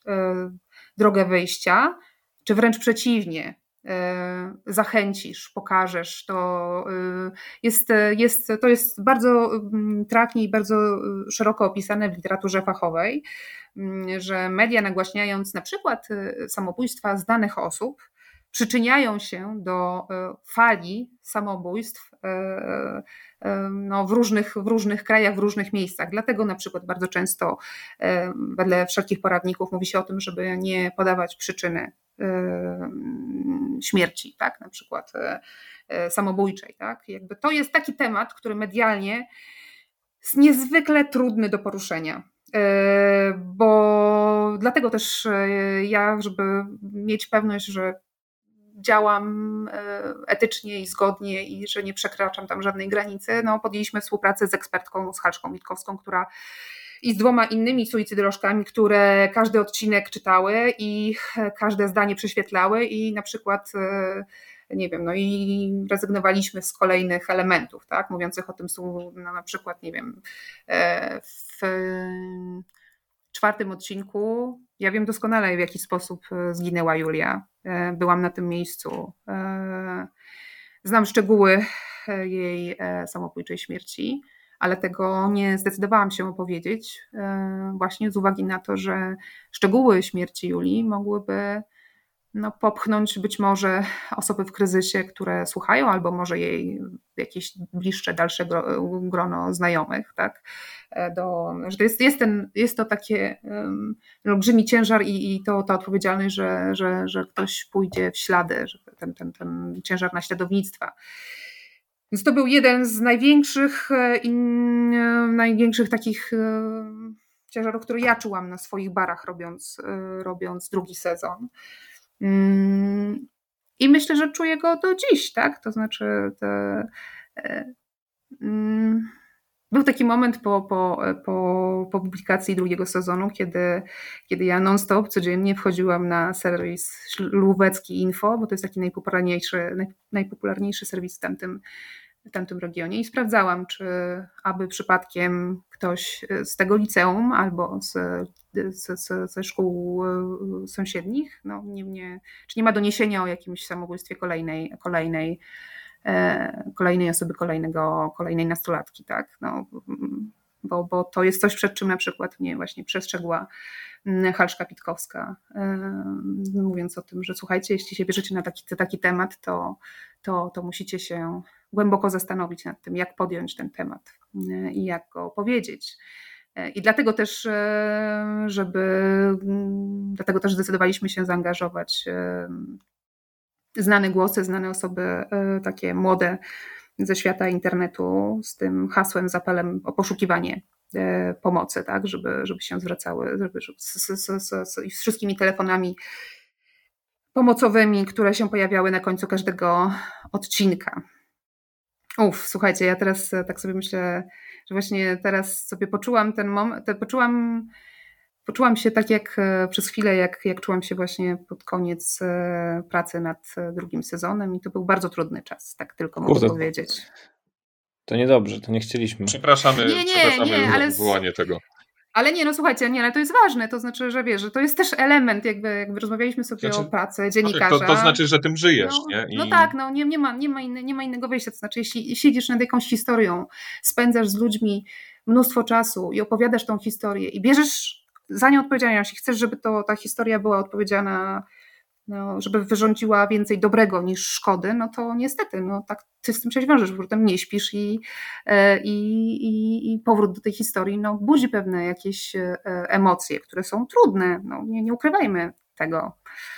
Kolejna przestroga dla młodych adeptów dziennikarstwa, którzy chcieliby się zająć tym jakże potrzebnym mimo wszystko, ja tak uważam, e, potrzebnym sektorem. E, Ale wiecie co, bo na przykład, e, bo jeszcze myślę sobie o tym, jakie mogą być, jakie mogą być efekty, no bo też z jednej strony, owszem, na przykład opowiadając w pierwszym sezonie o tym, o, o tych w ogóle absurdalnych działaniach Agaty i Jana, którzy po prostu oszustach, no jakich chyba mało, Myśmy też starali się pokazać, że, y, że trzeba być czujnym, że y, ofiarą takiego działania, że tak łatwo wpaść ofiarą takiej manipulacji, tak? że ofiarą tego działania może być każdy, że jak sobie słyszałam tej historii, jak Mirek przyjeżdżał z kolejnymi, e, z kolejnymi rewelacjami z, z, każdego z wyjazdów e, i myśmy się zastanawiali, jak ułożyć tą drabinkę, jak, jak po kolei opowiadać tą historię, to, e, to ja sobie myślałam, kurczę, no ale jak to możliwe, że w ogóle ktoś się dał na to nabrać? Jak to możliwe, Prawda? że ktoś po prostu, no tam też, no nie chcę dużo spoilować, ale, ale jest moment, w którym główna bohaterka Agata namawia, jakby przekonuje swoją ofiarę, że jest jej siostrą bliźniaczką. No umówmy się, no to jest coś niepojętego. To jest coś niewiarygodnego, to prawda. Ale to właśnie też pokazuje, że człowieku, słuchaczu, no jakby to, to, to, to zastanów się. Nie bądź frajerem, nie bądź Nie bądź frajerem, tak. I też, I też zastanów się, czy właśnie ktoś nie, wobec siebie nie stosuje podobnych tak, taktyk, technik, nie? Że łatwo jest, że to jest każdy, że to myślący człowiek inteligentny też może paść ofiarą takiego oszustwa. Wiesz co, ja, ja wielu osobom poleciłem e, ten pierwszy sezon i spotkałem się, e, co mnie bardzo zaskoczyło, znaczy może nie, może nie jakoś mhm. bardzo mnie to zaskoczyło, mm, że kilka osób mi powiedziało, że nie będzie tego słuchać, ponieważ nie wierzy w to. No że co to ty? jest fikcja. Tak, że to jest fikcja, że to nie jest możliwe, że to jest prawdziwa historia. E, I ja e, tak się zastanowiłem, zreflektowałem się, bo osoba, która mi poleciła ten to, podcast Śledztwo Pisma, jakiś czas wcześniej opowiedziała mi historię ze swojego życia, mhm. która była równie absurdalna. Może nie była tak złożona, ale ja pamiętam, że słuchaliśmy tej historii w takim spotkaniu grupowym. To, to jest historia, która dotknęła jakoś tam jej, jej rodziny najbliższej. Mm, mhm. I słuchaliśmy ją przeszło przez chyba półtorej godziny, dwie godziny nawet. I ja z każdą kolejną minutą, ja, ja miałem taką, taki emocjonalny roller coaster, taki śmieszno straszny. To była po prostu groteska. Ja się zastanawiałem, jakim cudem w ogóle, jakim cudem ktoś może e, właśnie dać się tak oszukać, uwierzyć w takie rzeczy. I myślę, że gdybym tej historii wcześniej nie usłyszał, to też bym miał pewne problemy z uwierzeniem w historię Agaty i Jana, ale biorąc pod uwagę to, że jednak e, no, po prostu się, po, po, może nie powieliły się mm, te, powieliły się schematy, schematy mhm. postępowania osób oszukujących. No, byłem przerażony generalnie, słuchając i jednej, i drugiej historii, historii mojej znajomej, historii um, Agaty i Jana, e, aczkolwiek no no tak, no nie wiem, nie wiem za bardzo, co, co miałem, co, co chciałem w ogóle powiedzieć to w tym momencie. No jest to absurd, jest... ale ten absurd się zdarza. No. Jeżeli, no. jeżeli chodzi o te granice między tym, co wydaje się być niemożliwe, a tym, co się faktycznie wydarzyło, no to mi się wydaje, że najlepiej um, obrazują historie znanych seryjnych morderców, gdzie też jak się ogląda, no choćby ostatni przykład, pierwszy z brzegu, popularny Jeffrey Dahmer, prawda, przez ten serial, jak Dokładnie. się wyobraża to wszystko. Dlaczego on w ogóle zaczął zabijać? Dlaczego był taki, jaki był? Co go motywowało? Jak się zaczyna to analizować, to sobie też właśnie jesteś w stanie pomyśleć, kurde, czemu ci ludzie do niego tak przychodzili? Jak, mhm. jak to się stało? No przecież mogli sobie pójść, mogli mu odmówić, cokolwiek. I tak się dzieje praktycznie z każdym takim e, tym e, seryjnym mordercą, no chyba, że wiadomo, no byli tacy, którzy wchodzili do chaty i nie było praktycznie żadnego wyboru, ale nadal nadal były to historie takie, że no, aż trudno uwierzyć, co momentami tych ludzi napędzało do tego, żeby robili to, co robili. Myślę, że też ludzie nie mogą uwierzyć w to, że, te, że ci, ci, ci ludzie, ci, ci złoczyńcy, tak, są aż tak do, dobrzy w tym, co robią, w sensie są tak przekonywujący, mają takie zdolności interpersonalne, można no są też bezczelni do, bardzo do, często. Stworzeni do manipulacji. Tak, no, no. Są bezczelni i też często właśnie przy tych historiach o znanych seryjnych mordercach co tak samo przy tym podcaście no, pokazuje czasem bierność, niechęć do wykonywania jakichś tam różnych organów państwowych czy tam e, no, porządku, prawda? Tak, zdecydowanie. Co ciekawe, słuchajcie, nie wiem, czy mogę to powiedzieć, ale e, Najwyżej się nie zatłuką. Nie, ale w takim sensie, że wyobraźcie sobie, że e, Mirek dostał e, nie wiem, trzy tygodnie temu, jeszcze przed, przed emisją epilogu, wezwanie mhm. z policji, ponieważ Jan poskarżył się, e, że w trakcie prac nad e, epilogiem po prostu mhm. czuje się, czuje się nękany.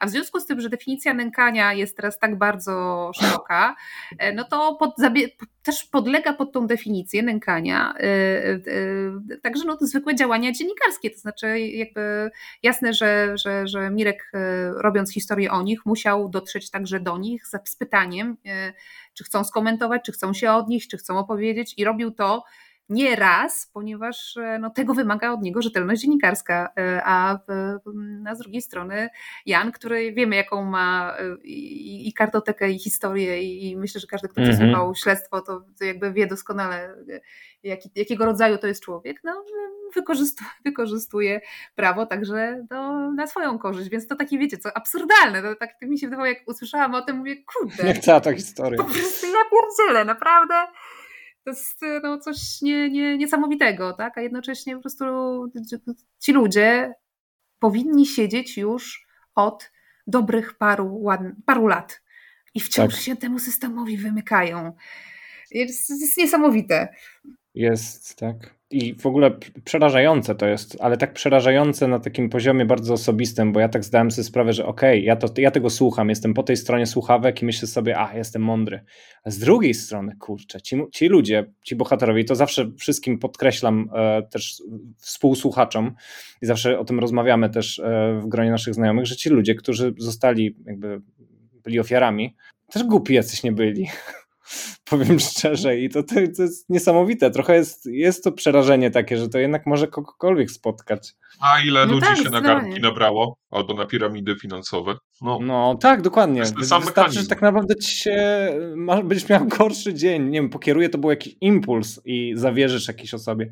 Albo zwyczajnie taka osoba, no właśnie pytanie, czy to jest, czy to jest powinięcie się nogi, czy, czy to jest jednak, czy to są jednak umiejętności tych osób, czy to jest tworzenie tej rozległej sieci. Wiesz co, myślę że, myślę, że w przypadku akurat bohaterów e, sezonu Mirka to jest niebywała umiejętność manipulowania. To znaczy taka umiejętność i, e, i te e, zdolności, w cudzysłowie oczywiście, kształcone latami. To, to, są, to są ludzie, którzy po prostu oparli cały swój sens życia na tym, że oszukują innych, że wchodzą w rolę innych. Tak? Więc tutaj w tym przypadku to, to nie wiem, czy naturalne predyspozycje, ale na pewno wyćwiczone y, Może z, z umiejętności. tak. No tak. Dokładnie. A słuchaj, e, w takim razie teraz, po tych trzech sezonach plus epilog, e, w, jakim, w jaki sposób wymierzycie sukces serialu? Czy to jest oglądalność, czy to jest e, jakby impact? Jak to jest?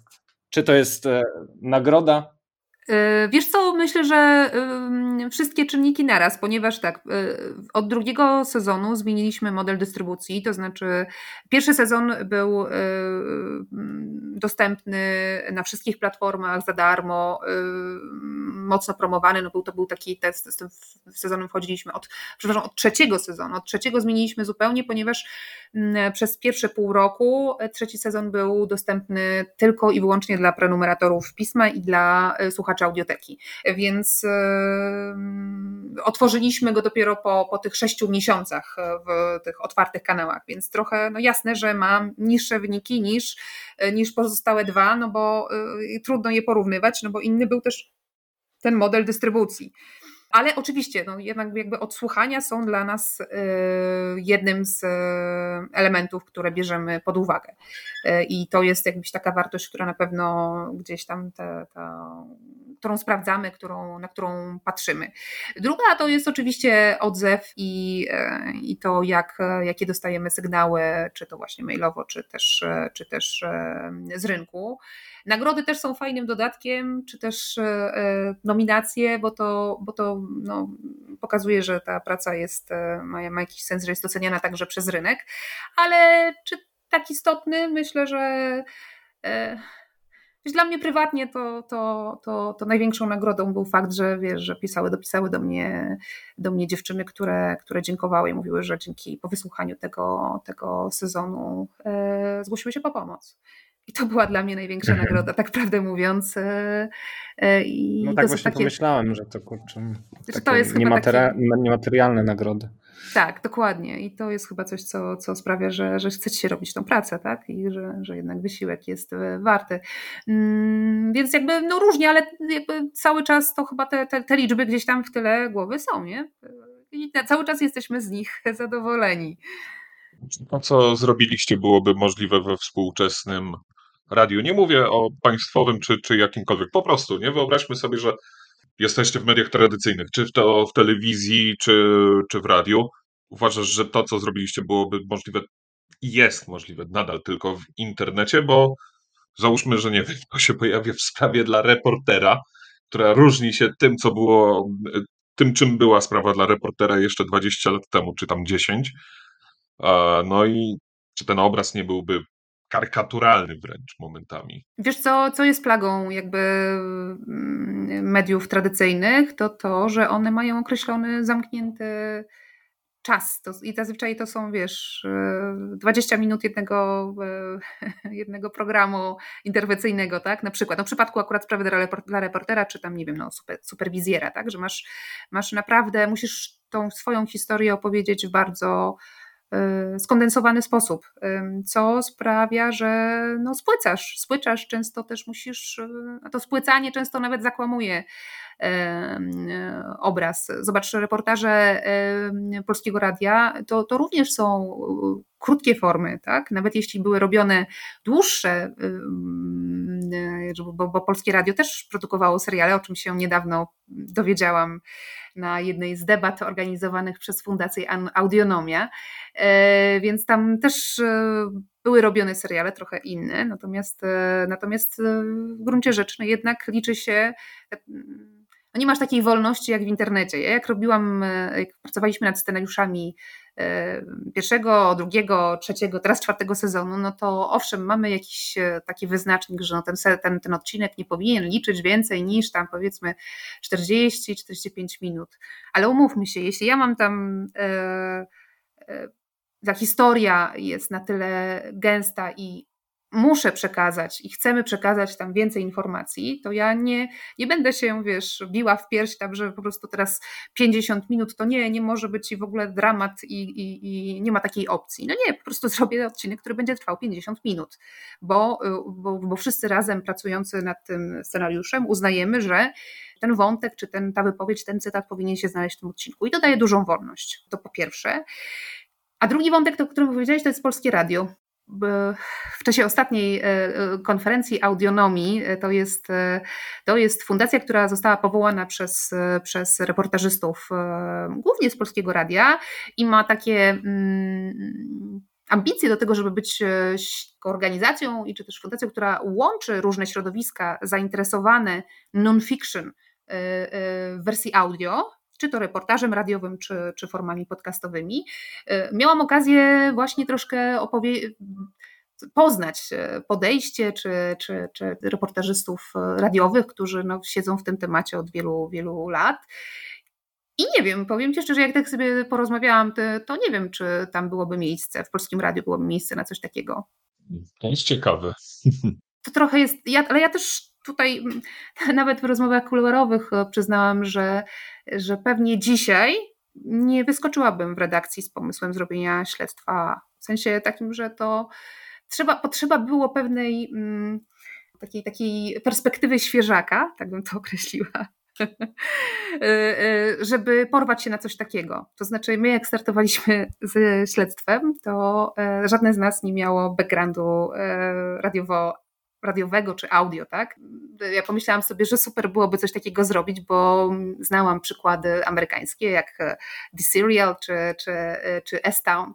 Nie wiedziałam, z czym to się je tak naprawdę. W sensie, to jakby technicznie miała, byłam totalnie zielona. Podobnie był zielony e, Mirek. Ktośmy sobie tam dyktofon cyfrowy Zooma, zrobiliśmy sobie jakieś takie szkolenie razem z Maćkiem Zychem, który był naszym, który odpowiadał z ramienia osorno za udźwiękowienie. No ale i tyle. No. Okazało się, że to było bardzo szczątkowa wiedza. się okazało, że bardzo podstawowa. To się pięknie zazębia w ogóle z Twoim podejściem też do życia, czy też w ogóle do Twojej pasji, e, czyli do it yourself, prawda? DIY. Ale ty wiesz, że tak? Ty wiesz, że tak? Dokładnie. No i, ja, ja, jakby... to, ja to już w ogóle wcześniej, przyznam szczerze, sobie to już wcześniej zaplanowałem, żeby taki wniosek wysnuć, bo dla mnie to jest ewidentnie do it yourself, ale cieszę się, że tak entuzjastycznie zareagowałaś, bo naprawdę widzę tutaj poważny pomost między jednym i drugim. No ale no, tu, tu, masz absolutnie rację, dokładnie to jest jakby chyba ta chęć e, i odwaga robienia rzeczy nowych e, i poznawania e, warsztatu w trakcie. O, tak bym to określała, bo jak się zabrałam za do it yourself, to też umówmy się, miałam w domu jedną wiertarkę i tyle. No. Więcej i, i, i, chęć do pracy, ale może e, niekoniecznie e, wiedzę na temat e, remontów czy, czy, czy, czy majsterkowania jakąś szeroką. No ale wracam do tego jakby jeszcze środowiska radiowego. Trudniej takiej idei albo robienia czegoś nowego, czegoś out of the box, co byłoby niezgodne z pielęgnowanymi od, od lat, y, dekad y, zasadami y, reportażu radiowego, który przecież ma swoje kanony, ma swoje gwiazdy, ma swoje no, fantastyczne produkcje, to myślę, że po prostu dużo trudniej w takim miejscu zrobić coś nowego, coś, co jest poza, coś, co jest trochę, no właśnie, no może łamie konwencję, łamie regułę.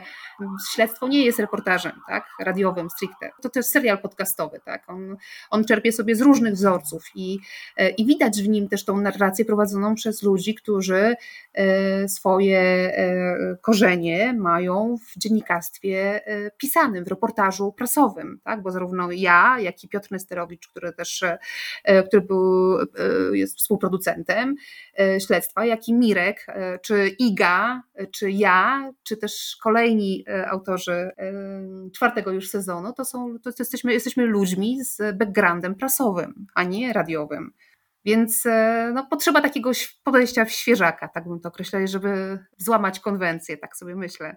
Albo przynajmniej łatwiej tą konwencję łamać, nie? Nie musisz się mierzyć z jakimś guru, który powie, No też wyjść z, z, własnej strefy komfortu, takie mam wrażenie, nie? No bo jeżeli jest się świeżym na jakimś polu, w tym przypadku na przykład podcastowym, no to e, też rzucając się na tę głęboką wodę, no właśnie łapiesz taką świeżość, prawda? I też ja mam takie wrażenie przynajmniej, że robiąc coś nowego, jest to bardziej ekscytujące.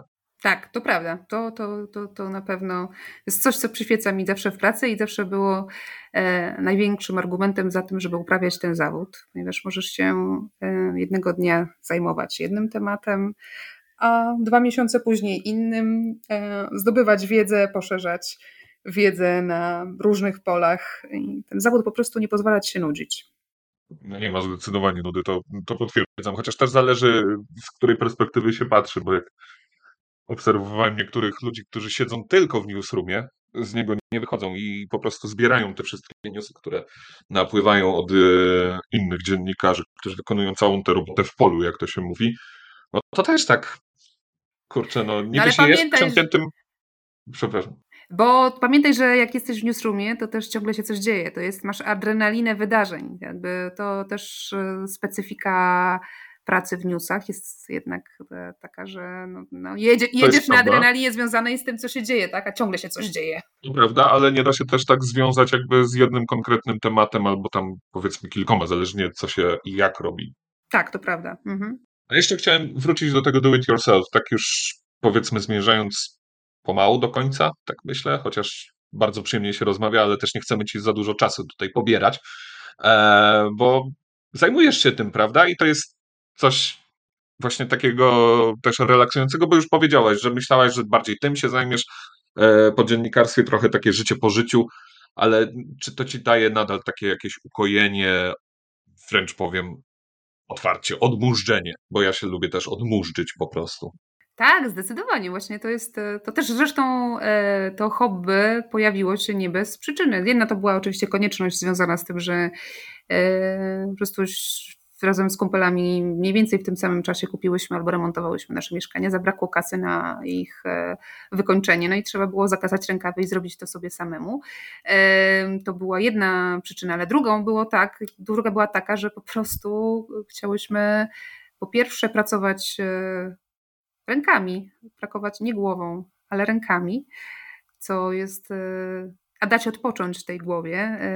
I po drugie też pracować z zupełnie innymi ludźmi, bo, bo wokół majsterek jednak gromadziło się i gromadzi się nadal e, grono zapaleńców e, raczej spoza świata medialnego, z którym na co dzień mamy do czynienia.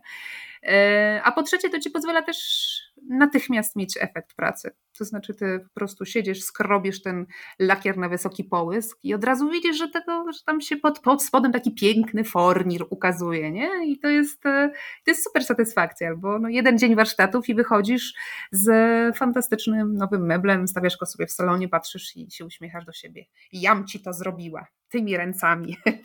w cudzysłowie a, oczywiście. A dużo, dużo masz takich mebli u siebie w domu? Własnoręcznie Dużo. zrobionych? Własnoręcznie nawet nie zrobionych, ale raczej odnowionych, bo ja jestem absolutną fanką staroci i po prostu znoszę, no teraz już mniej znoszę, bo już nie mam gdzie tego trzymać, e, ponieważ e, musiałyśmy w czasie pandemii zrezygnować z naszej pracowni, którą miałyśmy wspólnie właśnie z majsterkami i do niej na razie nie wróciłyśmy, e, więc, e, więc już ten, tam ta liczbę starych mebli staram się ograniczyć do minimum, ale mam tak, no jakby poza tak naprawdę kanapą, jak teraz się rozglądam, bo teraz nagrywamy podcast, siedzę sobie w komputerze w moim salonie to poza kanapą, która jest nowa, reszta wszystko to są stare rzeczy. Stół, krzesła, yy, która z szafką pod telewizor u mnie tam akurat się chowa mikrofala. To jest taki piękny stoliczek e, z lat 60. E, no tak, no. Narzeczona moja by się z tobą świetnie porozumiała i dogadała, bo ona tak, wychodzimy gdzieś z domu, rozglądamy się i patrzy, przy śmietniku stoi piękny jakiś taki mebelek, nie? Właśnie stary. Mm -hmm. Albo ktoś wystawił za drzwi i ona już zgarnia, ona już chce odnawiać i, i mamy właśnie też w domu kilka takich mebelków i ona też e, bardzo by chciała więcej czasu poświęcić e, tej renowacji, nie? Więc przybiłabym, przybiłabym z nią piątkę, tak. Przybiłabym z nią piątkę i co ciekawe, wyobraź sobie, że rzeczywiście jest to bardziej kobiece e, zajęcie, tak to wbrew tutaj stereotypom przyznam, bo na naszych warsztatach e, pojawiały się głównie dziewczyny. Być może dlatego, że do, do nich trafiałyśmy. No tak, bo wiesz co, mam wrażenie, że taką tradycyjną stolarką, w sensie zrobieniem mebla od zera, z kawałków drewna, to jakoś tak, nie wiem, faceci bardziej mają ochotę się czymś takim zająć, natomiast jeżeli chodzi o taką renowację, taką rzecz bardzo, bym powiedział, plastyczną, wyobraźniową, no to, no to tu już kobiety zdecydowanie wiodą prym. Moim zdaniem przynajmniej, ale oczywiście nie chcę, żeby to brzmiało jakby jednostronnie, że kobiety do tego, faceci do tego, nie? Tak, to prawda, to prawda. No tutaj jest e, dużo takich no, stereotypów, które myślę, że się udało już e, z nimi je zwalczyć, ale poza tym też, no, nie ukrywajmy, działamy e, w dużym mieście, gdzie, gdzie te stereotypy są mniej mm, hmm, aktualne, tak bym to określiła, obowiązujące. Jest dużo kobiet, które mieszkają same, singielek, e, którym brakuje e, męskiej dłoni do pomocy, więc, e, więc częściej więc, no, chcą się uniezależnić i chcą to zrobić samemu. Nie każda męska dłoń jest do pomocy i ja jestem tego A właśnie, tak. ja, mam, ja mam dwie lewe ręce. U nas takie rzeczy manualne robi moja narzeczona i, i tyle, bo ja się po prostu do tego nie nadaję.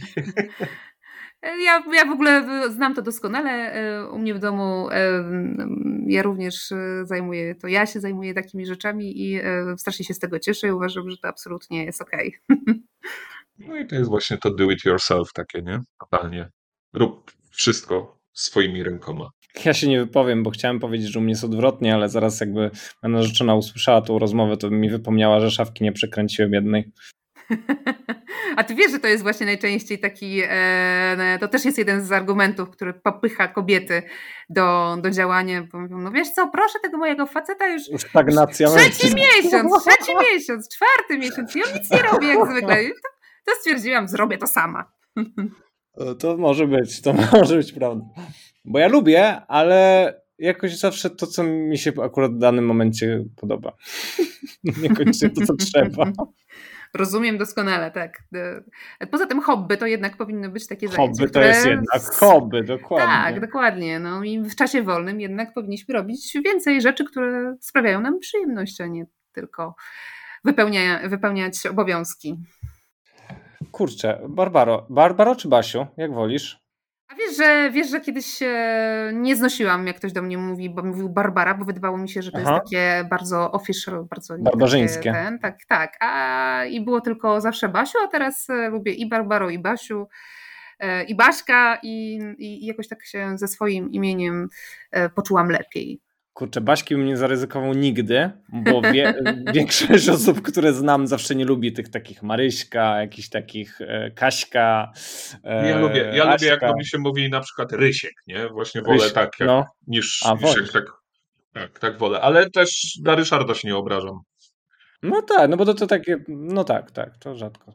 E, no więc Basiu, w ogóle no, musimy zmierzać chyba do końca, bo po pierwsze dwugodzinny tutaj czas nam się zbliża, a niestety na tym programie, chyba że po aktualizacji, po aktualizacji się coś zmieniło i jednak... Nie, Wojtek chyba pisze, że ten, że, że, że dwie tak godziny samo. nadal jest limitu na Zencastrze.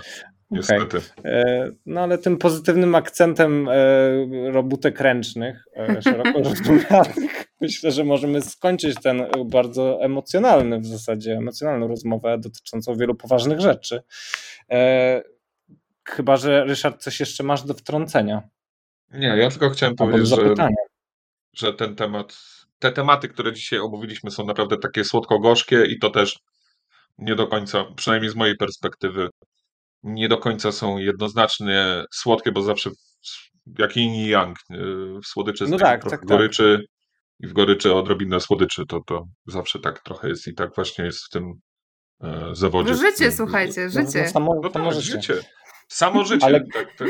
Życie jest nowelą. Mogliśmy za co to mogliśmy cytować. jeszcze, jeszcze tak. wiele innych tytułów i, i powiedzeń. Dokładnie.